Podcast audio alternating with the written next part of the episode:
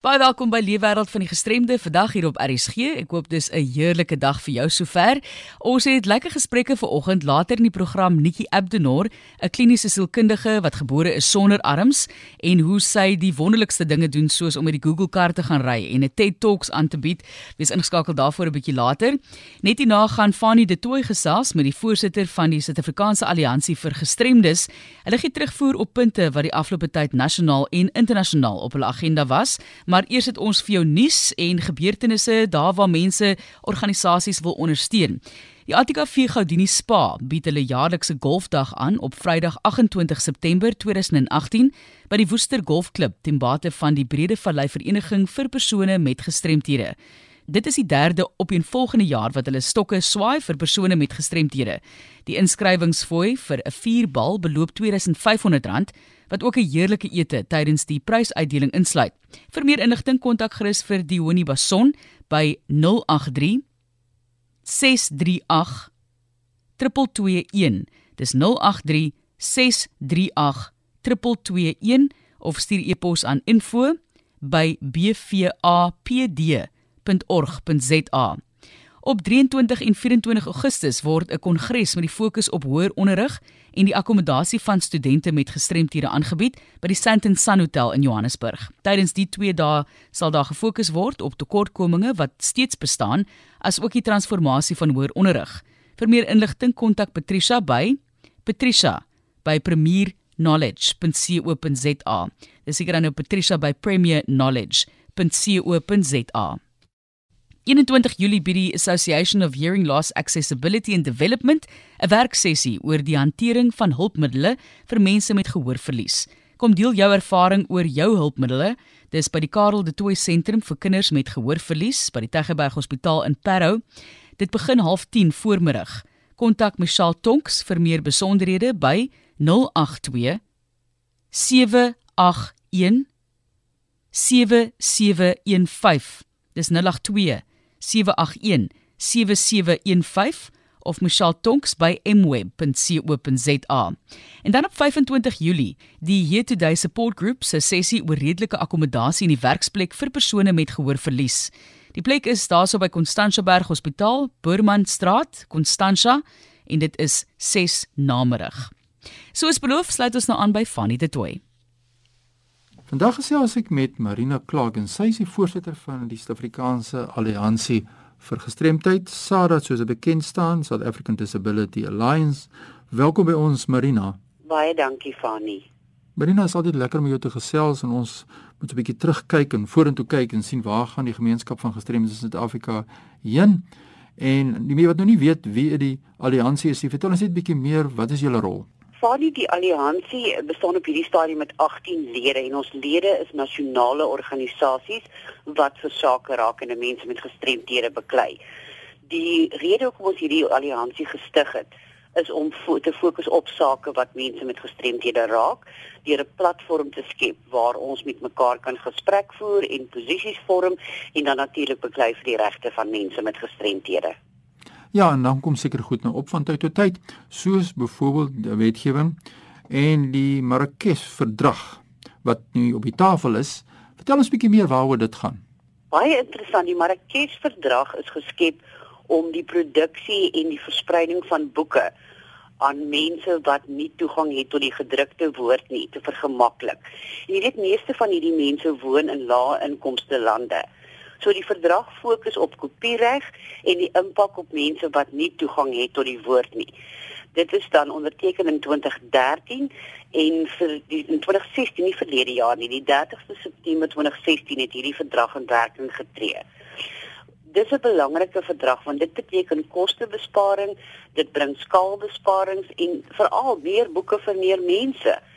So vir SADA is dit baie belangrik dat die bepalinge van hierdie verdrag ingesluit word in die kopiereg wetsontwerp om hierdie verdrag in werking te stel in Suid-Afrika.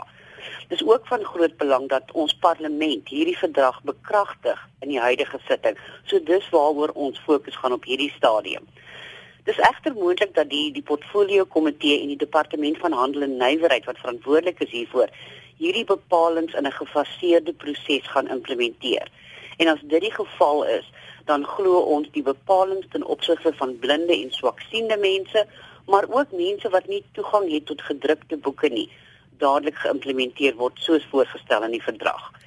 Een van ons lede, Blind SA, hulle is aan die spits van hierdie ontwikkelings omdat dit hulle direk raak. So as luisteraars belangstel om meer uit te vind oor die Marrakesh-verdrag, kan hulle Blind SA skakel. Die nommer daar is 011 839 1793 of 4. Kom ek herhaal dit net vir luisteraars om te kan neerpen. 011 839 1793 of 4 en dit is om Blind SA te kontak oor die Marrakesh-verdrag. Maar mense kan natuurlik hulle webtuiste ook besoek en hulle so in die hande kry. Baie interessant natuurlik ja, dit hou direk verband met die VN-konvensie oor die regte van persone met gestremthede, spesifiek artikel 21 wat gaan oor die reg tot toegang tot inligting, né? Nee? Korrek, korrek. Ja, in Suid-Afrika het hierdie konvensie onderteken en ons moet seker maak dat dit toegepas word in Suid-Afrika soos baie baie goeie nuus.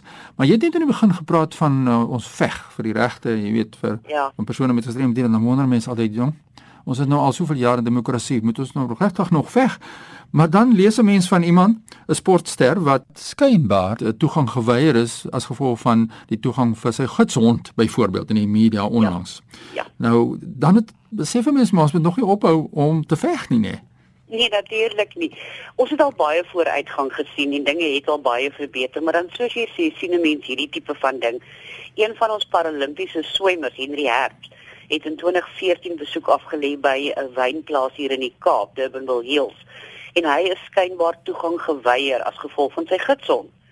Maar die wynplaas ontken dit, so die saak gaan nou na die gelykheidshof toe om die saak daar te, te onderhandel. Dis belangrik want jy weet Henry het onlangs in kommunikasie gesê sou hulle 'n rolstoelgebruiker gevra word om sy rolstoel buite te laat, soos hy gevra is om sy gidson buite te laat. So ons sal maar kyk wat sê die gelykheidshof daaroor. Jy weet 'n gidsond is deel van 'n blinde persoon en, en dis essensieel vir sy onafhanklikheid. Ja. So daardie tipe gevalle kom nog steeds voor en baie mense is onbekend oor die regte van iemand wat 'n gidsond gebruik. So eers ding wat ek vir mense kan sê is skakel die Suid-Afrikaanse Gidsondvereniging, hulle hoofkantoor is in Johannesburg. So vind hulle net op die webtuiste en dan kan jy hulle skakel daaromheen want baie mense verstaan nog nie dat 'n gidsond werklik oral toegelaat word, nie selfs in restaurante. Ja. En daar is voorsiening gemaak daarvoor. So die tipe van dinge gebeur nog steeds. Daar is nog steeds diskriminasie. Dikwels uit onkunde, maar dis belangrik dat ons hierdie ding teenstaan. Baie belangrike inligting. Marina Clark, sy is die voorsitter van die Suid-Afrikaanse Alliansie vir gestremdheid SADA so te bekend staan en ons sien nou die koördineringsrol wat julle speel om inligting deur te gee. Marina, dis wonderlik dat daar so 'n instansie is wat al hierdie netwerke bymekaar bring. Maar as ek verder kan gaan, sake raak nog erger, miskien nou nie in Suid-Afrika regstreeks nie, maar mens lees ook van moorde van kinders met albinisme. Dit is erg jong. Ja. Veral in Afrika is dit 'n baie algemene ding. In, in lande soos Malawi byvoorbeeld, is daar 'n geweldige probleem daarmee. Maar dit is ook in Suid-Afrika. Jy weet onlangs het 'n tradisionele geneesheer, so onlangs soos Februarie hierdie jaar, het 'n hof verskyn in Mpumalanga op aanklagte dat hy twee kinders met albinisme vermoor het. Daar is ook 'n graf opgespoor in Pienaar naby Witrifuur van 'n man met albinisme en sy hande en regtervoet is afgesny. So hierdie vervolging van mense met albinisme byvoorbeeld is gebaseer op mites en bygelowe, onkunde. Jy weet daar's daar's toerdokters en tradisionele mense wat sê in Suidelike Afrika veral dat liggaamsdele van mense met albinisme magiese krag het. So hierdie word letterlik nie handel gedryf. Sommige mense dink dat hierdie ledemaat as jy in besit is daarvan dan het jy beter gesondheid, dit bring geluk aan die eienaar. Jy weet hierdie idees is belaglik, maar ja. werklik tragies. Ja, dit is skokkend, regtig waar. Absoluut skokkend. Jy weet mense glo dat persone met albinisme vervloek is, net soos hulle glo dat mense met epilepsie of ja. autisme vervloek is. En daar's wilde teorieë dat hierdie mense, mense met albinisme, is geeste wat vasgevang is of dat dit die lewende siele is van kolonialiste. So mense met albinisme word ook blootgestel aan dinge soos seksuele aanranding en verkrachting want mense glo dat seks met so 'n persoon HIV vigs kan genees. So dis belaglik aan die een kant, maar werklik tragies en 'n werklike risiko vir mense met albinisme. En dit is hier in Suid-Afrika vandag. So as jy vra, moet ons nog beklei? Ja, absoluut. Ja, nee Marina, ek kan saam met jou stem en dit net te luister. Die belangrike is ons sê jy sê ons vorder, maar ons moet ook verslag doen aan die VN oor ons vordering in Suid-Afrika. Nou ons tyd is besig om uit te hardloop. Wil jy net vir ons kan vinnig kortliks net sê wat is die situasie? Julle moet ook in hier in Augustus maande dink ek, ja, Suid-Afrika moet dan terugvoer gee aan die VN konvensie oor hoe vorder ons met menseregte van persone met gestremthede in Suid-Afrika. Wil jy vir ons iets net daaroor sê? Ja, Fanny.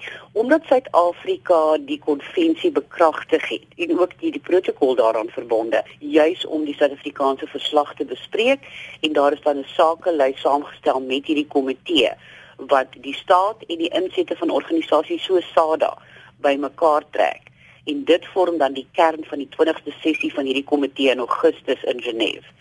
So SADA sal weer eens daarteenwoordig wees om die staat se verslag aan te hoor en die amptelike sakelys te bespreek. Op hierdie manier kan ons dan insette lewer en dis 'n belangrike aktiwiteit vir ons want soos jy sê ons het reeds vooruitgang gesien maar daar is nog baie werk wat gedoen word en ons vertrou dat hierdie 20ste sessie van die VN komitee dan die basis sal vorm vir die verdere implementering van die konvensie deur 'n aksielys te trek van hierdie sakelys af.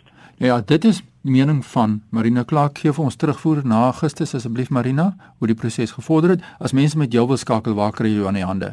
Die maklikste is om vir ons 'n e-pos te stuur, maar ook makliker om ons via Facebook in die hande te kry. Sada het 'n Facebook bladsy, So ek stel voor mense gaan na die Facebook bladsy toe en kontak ons daar, die heel maklikste om ons in die hande te kry en ons gaan dan die luisteraar wat navraag doen by die regte organisasie kry om hulle ook by te staan. So sê Marina Clark, die voorsitter van die Suid-Afrikaanse Alliansie vir persone met gestremthede, SADA. Groetens van ons kant. My e-posadres is fani.dt@mweb.co.za. Groetens uit Kaapstad. Dit was dan Fanie De Tooy wat gesels het met die SA Alliansie vir Gestremdes hier op Leefwêreld van die Gestremde. Baie welkom as jy pas pas aangesluit het. Ek gesels vandag in die program met een van die mees inspirerende mense wat ek al ontmoet het. Haar naam is Nikki Abdenor en sy is 'n kliniese sielkundige en inspirerende spreker soos dit sy haarself definieer. Nikki is al iemand wat ek vir baie jare ken en wat 'n Engelse vrae stel met haar voet vinniger skryf as honderde ander studente in haar selfe klas. Nikki, dit is so lekker om met jou te gesels. Thanks Martelies for having me. Onthou jy daai dat jy so vinnig voor al die ander mense in daai klas uitgeloop het en jy het geskryf met jou voet daai hele eksamen? I know. I think that's always been my my greatest talent is to write very quickly and very neatly. And I actually remember an accounting teacher in high school shouting at our whole class to say how come Nikki's finished her homework already and nobody else has? Wel Nikki is Engels soos wat jy nou agtergekom het, so ons gaan verder met haar gesels in Engels, maar die CV wat sy agter die rug het, spreek boekdele van die wonderlike en avontuurlustige lewe wat sy al gehad het. Ons gaan later gesels oor die Google kar wat sy al saam gery het, die TED Talks wat sy al gedoen het en die wonderlike internasionale toesprake wat sy gaan lewer. Maar Nikki, ons moet net vir mense dan perspektief gee op jou lewe. Jy's gebore sonder arms. Kan jy net vir ons verduidelik wat daar gebeur het? Yes, that's right. So um, I like to always say that I was born without arms, but not without attitude. And there was no medical explanation for my disability, but I always say that fortunately for me, my parents, they chose to focus on what I can do, not on what I can't do. So from a very young age, I was just encouraged to do things in my own way, and naturally, my feet were my natural way to to learn to write and draw and I've over the years learned ways to compensate for my physical challenges. Nou ek dink daar aan dinge byvoorbeeld soos om jou eie hare te was, daai tipe van ding netjie. Ons het op die sta, op 'n stadium in dieselfde eenheid gebly as ek reg onthou. Yes. Daar op Stellenbosch waar ons dieselfde tyd studeer het en dit was altyd vir my interessant geweest hoe jy jou sake bewerk het. Jy het op jou eie gebly basies, maar nou en dan het jy na 'n haarkapper toe gegaan het hulle jou hare vir jou doen. So, yes. wat is van die uitdagings en dinge wat jy wel voor hulp nodig het? Well, I think what one of the biggest challenges for me is that over the years I've lost some of my physical independence. So I think when I was at university and we lived together, that was the time when I was most independent. And then I would always find ways to to help out, like take washing to the laundry. I mean, I'm not a hero here. I'm not going to do everything. but um, what I found was that on a physical level, as I got older, especially I think after 30, my body is not as supple as it used to be. I had to have knee surgery. So I've had to find ways of adapting my mindset to know that I actually can't do everything myself on a physical level, but those things that I can do, I certainly focus on. And I know that if I focus on the things that I can't do, I definitely would be depressed. Ja. Hoekom dink jy is jou liggaam besig om eintlik dan nou agteruit te gaan of swakker te raak?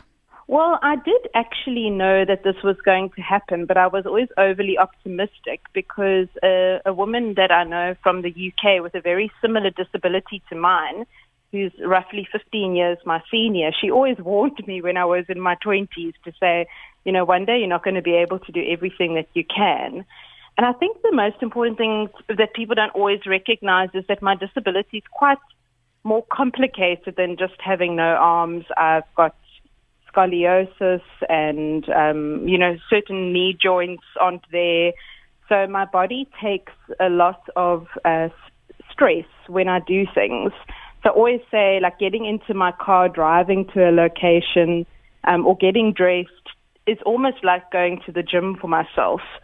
So over the years, the things that made me so independent unfortunately have taken a knock on me physically. So um, I do struggle with chronic pain and um, my body doesn't work exactly the way it used to, but you just learn to adjust. And I suppose it's just a reality check that things can change at any time.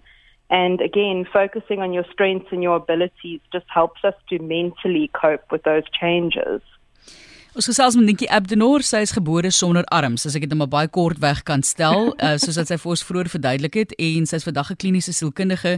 Nikki, jy het jou eie praktyk byvoorbeeld. Ons gaan nou-nou gesels oor TED Talks oor die nie-regeringsorganisasie wat jy begin het sodat mense in rolstoele ook toegang kan hê om hulle eie voertuig te bestuur. Jy bestuur ook so jou eie voertuig met jou een been in jou skouer, as ek nou reg onthou, maar jy kan vir ons nou-nou daaroor bietjie uitbrei maar jy is internasionaal al bekend vir jou toesprake wat jy lewer, maar net om terug te kom na daai lewenservaring van jou elke dag waar jy sit nou in 'n sessie met 'n pasiënt byvoorbeeld en jy moet nou vir hulle moed in die lewe inpraat en vir hulle sielkundig help, maar jy sit self met hierdie vlakke van pyn en en ongemak wat jy ervaar. Hoe hanteer jy dit op 'n daaglikse basis?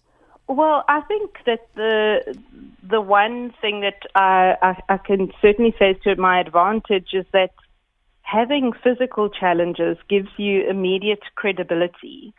So I think when people come to me for emotional struggles, um, it's very easy when they meet me to understand that whatever I'm saying or whatever I'm trying to teach them or help them process is that it's coming from a place of I'm practicing practicing this in my everyday life. So I think that sets me at an advantage. And I think that that's just in general, when you've got physical limitations, it's so easy for people to imagine what you might be overcoming. I mean, I know obviously people have different perceptions about that. But when it comes to psychological challenges, they're such hidden disabilities and so misunderstood. So I feel like the the career path I chose with clinical psychology was just like the perfect fit for me in understanding the the differences and similarities of disabilities that are both hidden and physical.